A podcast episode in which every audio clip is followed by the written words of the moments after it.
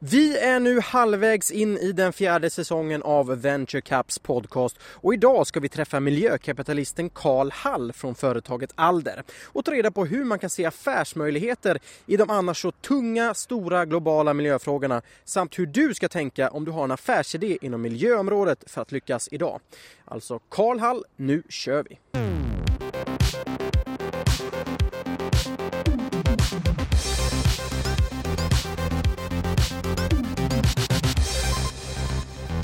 Ja, då sitter vi i hjärtat utav Stockholm kan man säga, Kungstornet faktiskt, mitt i centrala Stockholm med just Karl Hall från Alder. Karl, ska vi börja där? Vem är Karl Hall?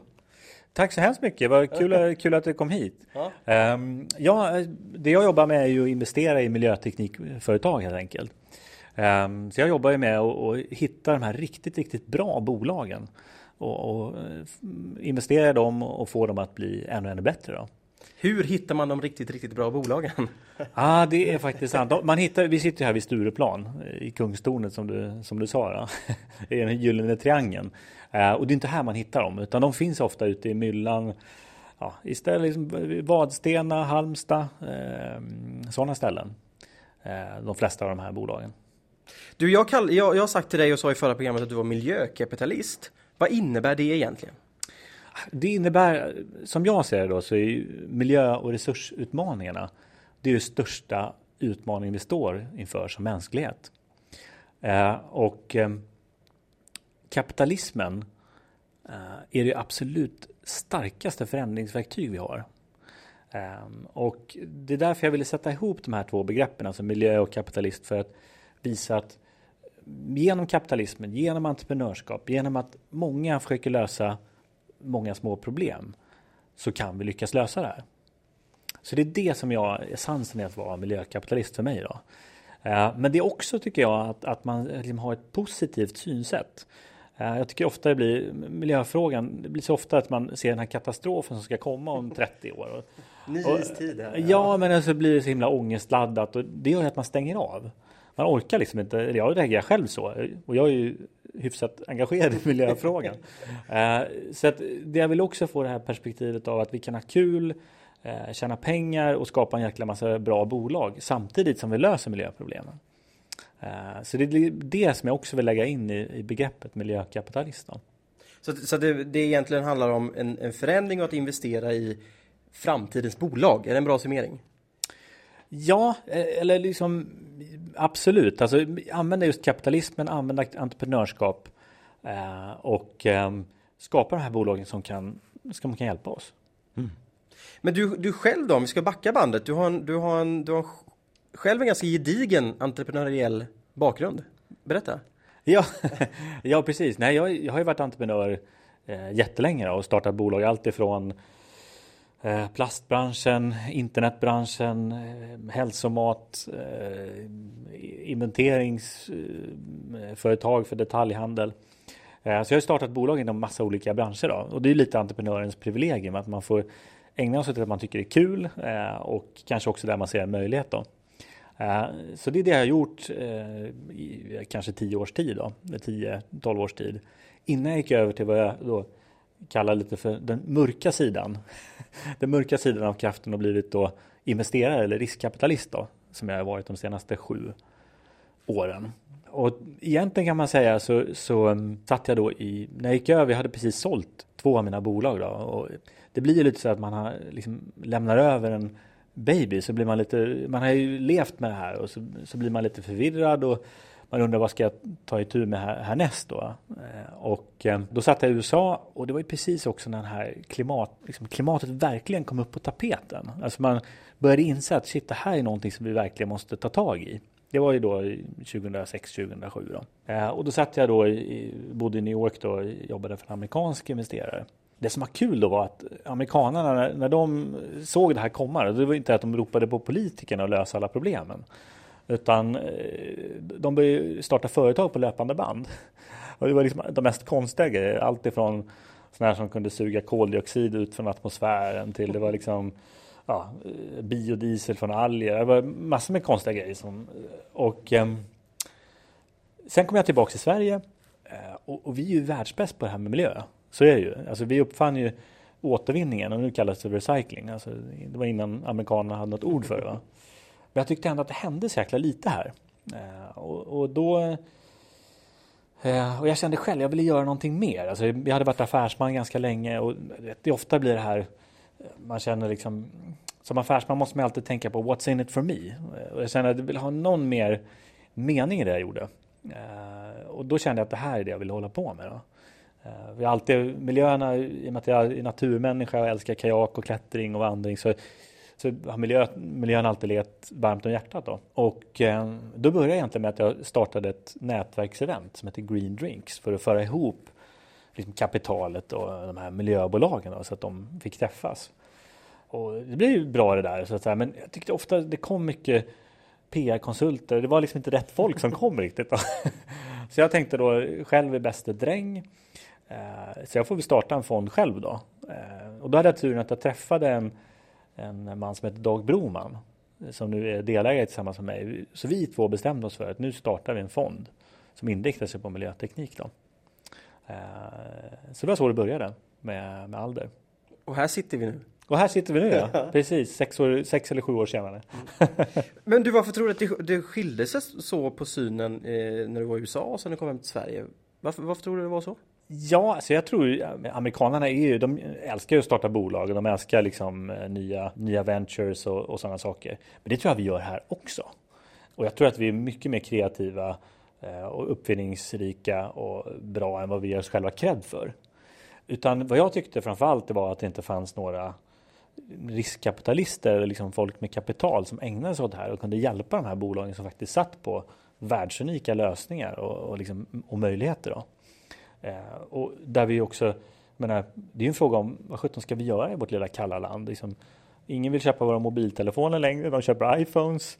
Kineserna äger våra bilföretag. Vi måste ju ha någonting vi ska livnära oss på och då tror jag det här är det vi verkligen har en chans att, att lyckas med. Då. Så att det var också ett, liksom, vi vill vara med och bygga den här riktiga starka champions för miljöteknik i, i Norden. Då. Eh, så det, och det tror jag vi har god chans att göra. Vi, vi, vi går tillbaka då till dina egna bolag och, och, vi ser, om vi ser dig själv nu som entreprenören eh, Karl Hall. Mm. Eh, när du fick de här idéerna, om vi ska prata väldigt tidig fas, mm. eller, och, och, och de som lyssnar och sådär. När man får sin idé, vad, vad, vad, vad är liksom nästa steg tycker du? Ja, alltså det viktiga är ju, alltså det finns hur mycket idéer som helst. Eh, idéer är det inte ont om. Utan det är ont om folk som är duktiga på att genomföra dem. Så jag tycker det, det, ett fel som många entreprenörer gör det är att man håller sin idé ska vara lite hemlig om den och sådär. jag tycker berätta för hela världen om idén liksom, och, och liksom försök få involvera fler människor. Eh, för, för det är det viktigaste tycker jag. Eh, är liksom, fråga inte hur, fråga vem.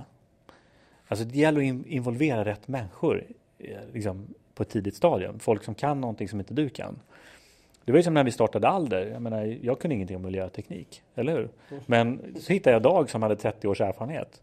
Eller hur? Det hade jag aldrig kunnat skaffa mig själv. Eh, och, och, sen eh, var jag liksom jag var ju mest entreprenör. Jag kunde inte så mycket om riskkapital. Men ja, då, eh, Henrik och Jonas då som är med eh, hade ju lång erfarenhet av det. Det gäller att hitta de här människorna som har den här erfarenheten som du inte har. Eh, så våga berätta om idén. Våga eh, involvera andra människor som kanske är bättre på andra saker än, än du själv. Det tror jag är jätteviktigt. Och sen fråga kunderna. Det är också en sån här klassiker. Man, det låter så himla självklart men involvera kunderna tidigt och liksom få deras feedback. Är det här någonting som de vill ha? Och idag då när ni sitter med Alder, vad, vad, vad tittar ni på när, när bolag hör av sig? Eller när ni kontaktar bolag och så här? Mm. Det är viktigt att påpeka då, för det är många som, jag, jag får ju väldigt många, framförallt efter jag kom ut med boken då, eh, Miljökapitalisterna, så får jag många samtal från folk som, ja, jag har den här idén och vill starta. Nu är det tyvärr så att vi har ju valt att ägna oss åt bolag som är lite större då. Det minsta bolaget har en omsättning på 100 miljoner och det, det största har på 500 miljoner. Så det är bolag som har kommit lite längre. Men, så vi tittar mycket på Eh, hur, hur, ser liksom affären ut? Har man någon möjlighet att expandera utomlands? Det är ofta det som är vi vill ta dem från att vara kanske svenska eller nordiska till att liksom vara globala. Det är ofta det vi vill göra. Men det är viktigt också liksom hur, hur är människorna? Är det ett bra team? Liksom, är de drivna? Och sen naturligtvis vad, vad har de för konkurrensfördel? Liksom, hur lätt är det att kopiera den? Liksom, eh, ofta handlar det om att man klarar sig här hemma i Sverige. Men är den tillräckligt bra för att man ska kunna sätta sig i Tyskland, USA, i Kina? Eh, då måste man ha en viss höjd för att kunna klara det. Det, det är ganska stora bolag då eh, och ganska stora pengar antar jag ni investerar. Ja, vi, vi har ju, vår fond är ju då på 1,1 miljard. Um, och vi ska ju ha i vår, nu har vi, idag har vi sex bolag som sammanlagt omsätter 2 miljarder. Uh, och tanken är att vi ska ha 10 till 12 då. Så i genomsnitt investerar vi 100 miljoner i, i varje bolag. Uh, så det är klart att då blir det ju uh, ganska stora bolag då som vi pratar om oftast. Nu, nu, precis, det är stora bolag, men om man, om man är en startup inom miljöteknikområdet eller miljöområdet eh, generellt. Vad har du för tips? Hur ska, man ta, hur ska man tänka? Hur ska man ta sig fram? Tyvärr så är det så att det finns alldeles för lite kapital till tidiga bolag. Eh, och jag hade gärna haft en sån fond också eh, för att supporta dem. Tyvärr så, så är det väldigt svårt att få in pengar från de här stora placerarna, alltså försäkringsbolag och sånt till, till sådana fonder. Så ja, mitt tips framför allt om du tittar på just finansieringen. Så nummer ett, behöver jag någon finansiering? Det är den första frågan. Eh, för jag tror många går ut och liksom eh, kollar liksom efter finansiering och du kanske inte ens behöver någon finansiering. Du kanske klarar det själv. Du kanske, eh, nummer två är, kan, kan kunderna finansiera? Det är det bästa som finns, eller hur? Mm. Att du får liksom ett eh, kund som säger, någon jävel har ju nytta av det här. Eh, och försök att få dem att finansiera. Och sen nummer tre kan du få eh, banken finansiera. Och nummer fyra, sen finns det ju de här ja, alla Almi och Nutek och, och sådana där eh, som man kan fråga också då. Och nummer fem, Family and Friends såklart. Det kommer ändå som på plats nummer fem. Ja, alltså jag tycker nog eh, kan man undvika det så är det ganska skönt. Jag har aldrig haft med Family och Friends i mina bolag. Eh, just av det skälet att det finns ju ändå en chans att det misslyckas och det är ju ingen katastrof om det går åt pipan. Och det är rätt skönt att man inte liksom svärmor har satt in sina sista slantar i. Va? Löständer eh, Ja, exakt. Va? Guld, guldtanden. Så att, eh. Men det pratar vi bara investering. Vi pratar, om vi pratar startup inom miljöområdet rent generellt så. Vad, vad, vad liksom, hur ska man gå tillväga om man vill, vill bygga ett miljöbolag?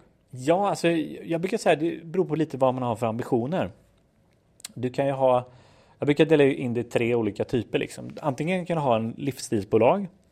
Eh, och det är ungefär liksom, det är som de som driver en frisörsalong. Eller man vill ha en speciell livsstil. Man vill inte ha någon chef. Man vill rå om sin egen tid. Eller så kan det vara att du liksom vill starta ett innovationsbolag eller du har en idé som du vill förverkliga. Och nummer tre egentligen är de här som vill förändra världen, liksom Skype eller Spotify eller sånt där. Va? Liksom de som verkligen så det är lite olika saker beroende på vad man vill uppnå med sitt företagande skulle jag säga. Vilken, vilken av de här tre är du? Jag vill ju, jag vill ju helst vara nummer tre. Men jag är nog nummer två skulle jag säga. Ja. Men du, när ni startade Alder då, i Sverige gick det ganska trögt eh, jämfört med USA då. Hur, hur, hur togs det emot den här satsningen, den här fonden? Ja, alltså vi valde ju en, väldigt eh, bra tid att börja, höll jag på att säga. Vi, vi startade samma dag som Lehman Brothers kraschade. Oh, vad härligt! vi hade faktiskt vårt första investerarmöte samma dag. Som, eh, så det var en ganska tung tid i början då. Eh, att få investerare att lyssna på en, eh, en story så att säga när, när eh, liksom, folk trodde att det var jordens undergång i mer eller mindre. Att folk skulle börja köa med, till soppkök ute på gatan. Eh, men vi höll kvar och, och, jag tror folk tyckte att eh, det här ändå är Alltså det är ju egentligen världs, den största trenden vi ser. Det är ju att vi, vi, är idag, vi kommer snart vara 9 miljarder människor. 5 miljarder av dem kommer vara medelklass. Det kommer suga en enorm mängd resurser. Eh, alltså den industrialisering som pågår i Kina och Indien är på en skala som är 200 gånger större i termer av BNP än den som vi gjorde och den går tio gånger fortare. Så att det här suger ju så enormt och det är bara början på det här. Ehm, du ser hur råvarupriserna stiger. Volatiliteten i priserna, alltså skakigheten ökar. Så det är otroliga implikationer för allting egentligen. Liksom hur vi tar oss till jobbet, vad vi äter för mat, liksom hur vi värmer våra hus. Det är väldigt mycket som kommer förändras. Och det här, liksom, som jag ser det, är det ju faktiskt liksom en enorm affärsmöjlighet. Eh, och det var det som vi ville kommunicera, att den här liksom kommande resursbristen det är inte bara ett problem utan det är också en jättelik affärsmöjlighet.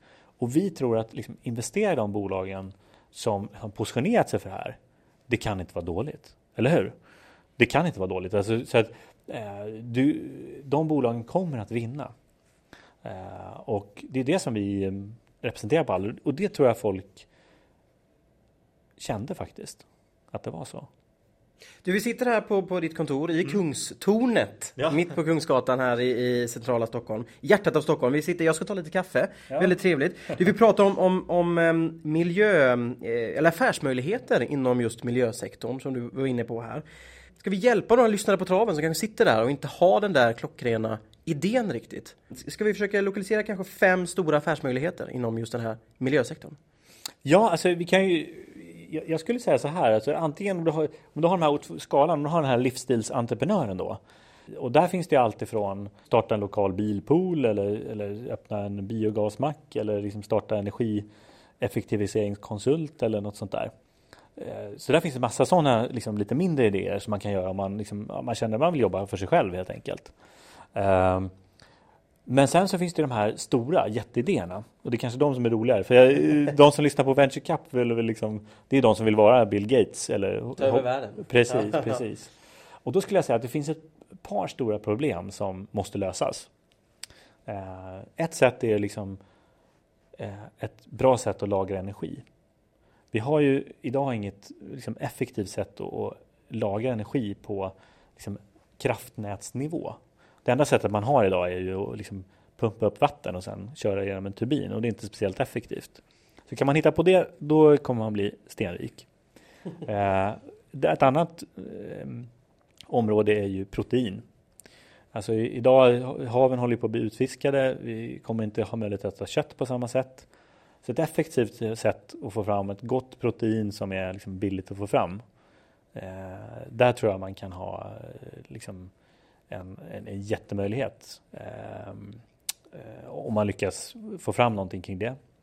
Eh, jag tror eh, ett miljö, miljövänligt och energisnålt sätt att konvertera eh, saltvatten till vanligt vatten. Där kan du komma på det. Så, så har du... Lättare sagt än gjort. Ja, precis. Ja, men alla de här sakerna. Nu, nu försöker jag identifiera några av de liksom, riktigt stora problemen. Nummer fyra tror jag är ett sätt, liksom, om man tittar på världen så 80 procent av utsläppen kommer från 10 000 skorstenar i världen. Kan du hitta på något sätt att liksom fånga det där och lagra det, då har du möjlighet att bli riktigt, riktigt förmögen också. Jag, jag stannar vid de fyra. Jag, jag har några områden till men jag kommer inte på dem faktiskt nu på, på rak arm. Vi nöjer oss fyra. Du, du, nämnde också här förut um, det, det, är väldigt mycket som kommer förändras eh, genom de kommande åren. Det är miljöproblem och sådär. Hur, hur hänger man med i, i alla svängar? Ja, det, det, är en bra, bra fråga. Alltså, jag tycker man ska försöka välja någon del.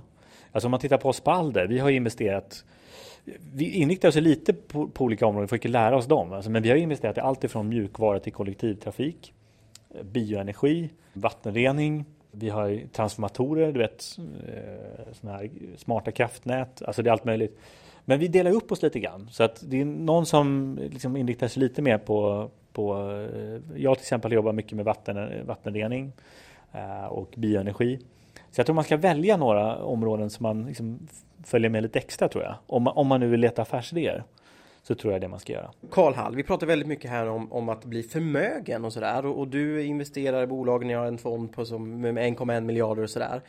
Är, är det pengar som driver? Nej, inte primärt. Alltså, jag tror att det måste finnas lönsamhet. Det måste finnas pengar i för att få det skalbart. Kan du inte betala ut en lön till dina anställda, då kan du inte ägna liksom hela din tid på det här. Eh, du kan inte heller begära att folk ska köpa en bil som är 150 000 kronor dyrare bara för att den är miljövänlig. Jag, jag tror inte att det funkar. Um, så någonstans så måste det finnas en lönsamhet i det för att få det skalbart. Men sen så tror jag att det är väldigt få som, där pengarna är liksom den viktigaste drivkraften. Uh, utan jag tror vi har massa andra behov. Det är en drivkraft. Vi måste ju få liksom smör och bröd och, och husrum så att säga.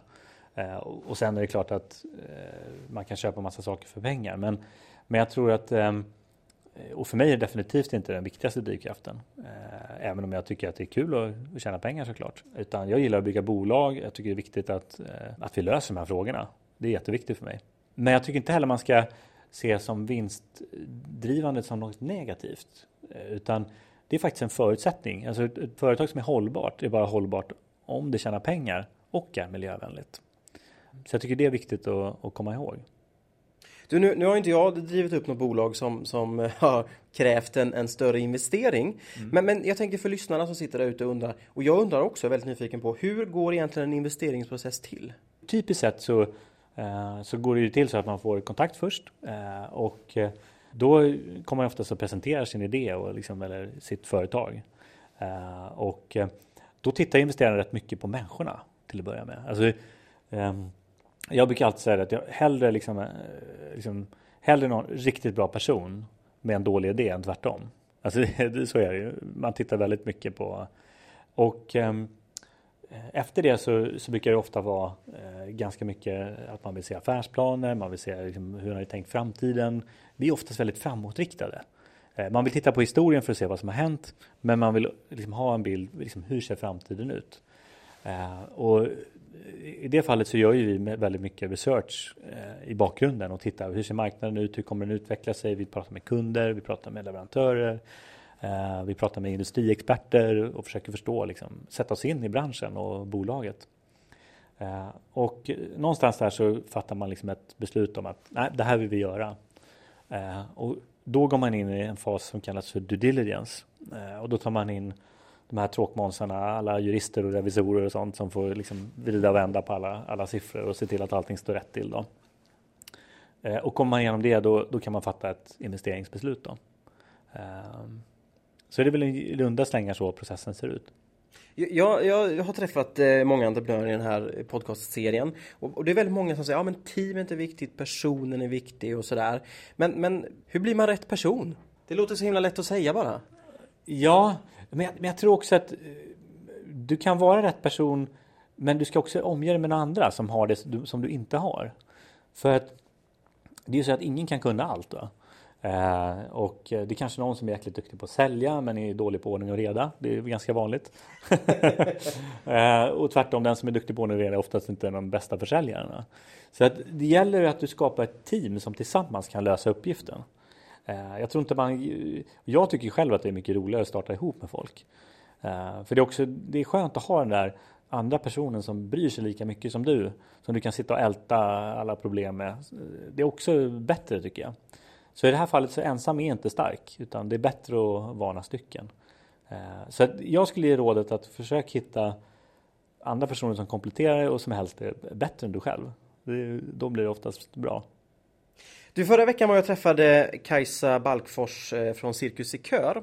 Då pratade vi väldigt mycket om misslyckanden och att man i Sverige är ganska rädd för att misslyckas. Vad tror du det beror på? Det är en bra fråga. Jag tror att det har att göra med att vi är ett ganska litet samhälle och vi är ganska liksom, stratifierade på något sätt. Alltså, man är ofta väldigt knuten till, om, om, du, om, du, om du säger hur gammal du är, var du bor och vad du jobbar med så kan jag nästan tala om vilka dina 500 Facebook-vänner är. så jag tror att man har ett ganska litet universum och, och man är ganska fast i det. Ehm, jag tror att i ett större land som USA, då har du liksom en större chans att börja om på nytt. Ehm, funkar inte Pittsburgh så åker jag till Phoenix och startar om. Sådär. Och den möjligheten finns inte riktigt i Sverige. Ehm, så det kan vara ett skäl. Men jag tror det, här, det där håller på att ändras faktiskt. Jag, jag känner att det är inte lika fult att misslyckas längre. Utan det kan faktiskt vara någonting som, ja, de har ju lärt sig någonting på att misslyckas. Och, och det tycker jag, det är oftast den största barriären för folk. Och så var det för mig första gången jag startade någonting. Jag var ju superrädd för att misslyckas. Men när du bryter ner vad är du rädd för? Då är det oftast vad ska alla andra tycka? Det är oftast det, va? eller hur? Mm. Man är rädd för vad alla andra ska tycka. Liksom. Uh, och, och, så jäkla farligt är det inte. Så jag tror det är nog jäkligt viktigt för folk att komma ihåg att så farligt är det inte att misslyckas. Man kan alltid komma igen. Även i Sverige. Så jag, jag tycker nog också att det håller på att ändras.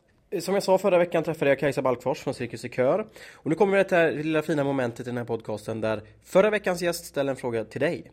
Eh, och den frågan från Kajsa kommer här. Vad, vad driver vad driver honom? Vad är hans syfte?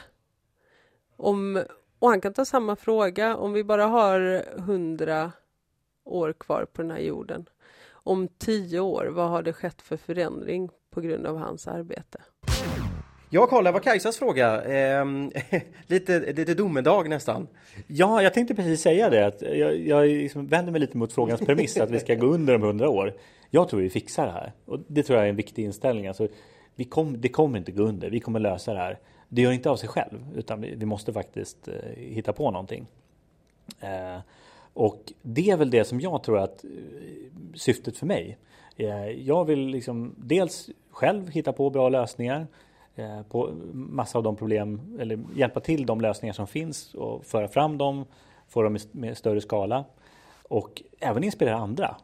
Alltså gräv där du står. Se till att och, eh, liksom, ta något problem som du kan lösa och, och sätta igång och starta ett företag eller vad det nu kan vara eh, för att lösa det. Eh, så jag hoppas att jag har hjälpt till med allt ifrån hur vi får vår energi, hur vi värmer våra hus mer effektivt, hur vi ser till att våra luftfilter inte är gjorda av förnybar, förnyelsebart material istället för glasfiber. Att vår el transformeras effektivt, att liksom kollektivtrafiken blir snabbare, mer effektiv. Jag hoppas jag har hjälpt till lite grann med att lösa alla de här problemen genom våra bolag. Jag blir väldigt trygg när du säger att det, vi, vi kommer lösa det här. Jag får ångest när vi tänker på miljöproblemen. Vad trygg jag blir nu. Ja, alltså det kommer inte lösa sig av sig självt. Så är det ju. Eh, och det jag hoppas verkligen att vi tar tag i det. För att ett tråkigt scenario det är att vi väntar på att någon sån här jättelik katastrof händer. Och att det är först då vi agerar. Alltså, eh, du kan tänka liksom, Miami förstörs av en tropisk storm. Eller att vi får global missväxt så att vi får eh, liksom, matpriserna sticker med liksom 50 gånger och liksom folk får gå runt och svälta. Eh, det viktiga är att vi tar tag i det här innan vi kommer dit. För då kan vi också göra det på ett trevligt sätt. Eh, det vill säga att vi gör det genom att starta företag, att vi, eh, så att det inte blir den här globala ransoneringen av, eh, det blir ju jättetråkigt. Ehm, så där tror jag vi alla har en uppgift att framförallt påverka våra politiker. För att jag tror man kan göra viss del genom att köpa gröna miljövänliga produkter, sopsortera och sånt. Men det absolut viktigaste det är att påverka sina politiker också. Att de ser till och, och sätter koldioxidskatter, sätter regler, lagar så att vi, vi, får, vi kan driva fram den här gröna ekonomin. Det är superviktigt. De största miljöproblemen löses genom att politikerna sätter någon form av spelutrymme där företagen kan agera och skapa lösningar. Och du nästa vecka då, då ska jag åka och träffa Monica från bolaget Nicer, Monica Hallworth. Vad har du för fråga till, till Monica? Ja, jag förstod att hon gjorde jäkligt effektiva torkskåp. Uh, och min fråga till henne är hur ska du få ditt bolag att bli globalt? Jag tycker det är spännande. Hur, hur kan du få uh, hur kan du erövra världen helt enkelt? Det kanske är ett bolag för, för Alder om några år? Ja, det får vi hoppas. Ja, det vore skitkul. Ja. Grymt. Och du, avslutningsvis då. Eh, jag vet inte om du har lyssnat på Vänskaps podcast tidigare och sådär, men, men vilken drömgäst skulle få dig att, eller vilken gäst skulle få dig att börja lyssna på, på Vänskaps podcast? Förutom dig själv då, Karl? Ja, det är klart. Ja, eh, absolut. Jag hade tyckt det var kul att få hit eh, Richard Branson. Han är lite kul, han, för han är ju sån här, han startar ju företag på löpande band inom massa olika. Och han har ju faktiskt börjat inrikta sig nu på miljöteknik. Eh, så jag tror han skulle också inspirera lite grann. Han startade ju från grunden en gång i tiden och har byggt ett jättekonglomerat med allt ifrån ja, skivor till eh, flygplan och eh, läskedrycker och sådär. Eh, så det ska vara spännande. Richard Branson alltså. Mm. Jag ska göra mitt bästa. Ja. du Karl Hall, tusen tack för att vi kommer hit ja. och träffade dig. Det var, det var en ära. Ja. Eh, och ni eh, ska också tack ni som har lyssnat. Eh, ni hittar den här podcasten på Vänskaps hemsida vänskap.se eh, podcast. Och vill ni ha, eh, ha hjälp så, och, eh, och feedback och så här så gå in på, också på Vänskaps hemsida och läs mer. Eh, jag tackar för mig, jag heter Anders Nyberg. Jag tackar också Karl Hall återigen. Tack så mycket.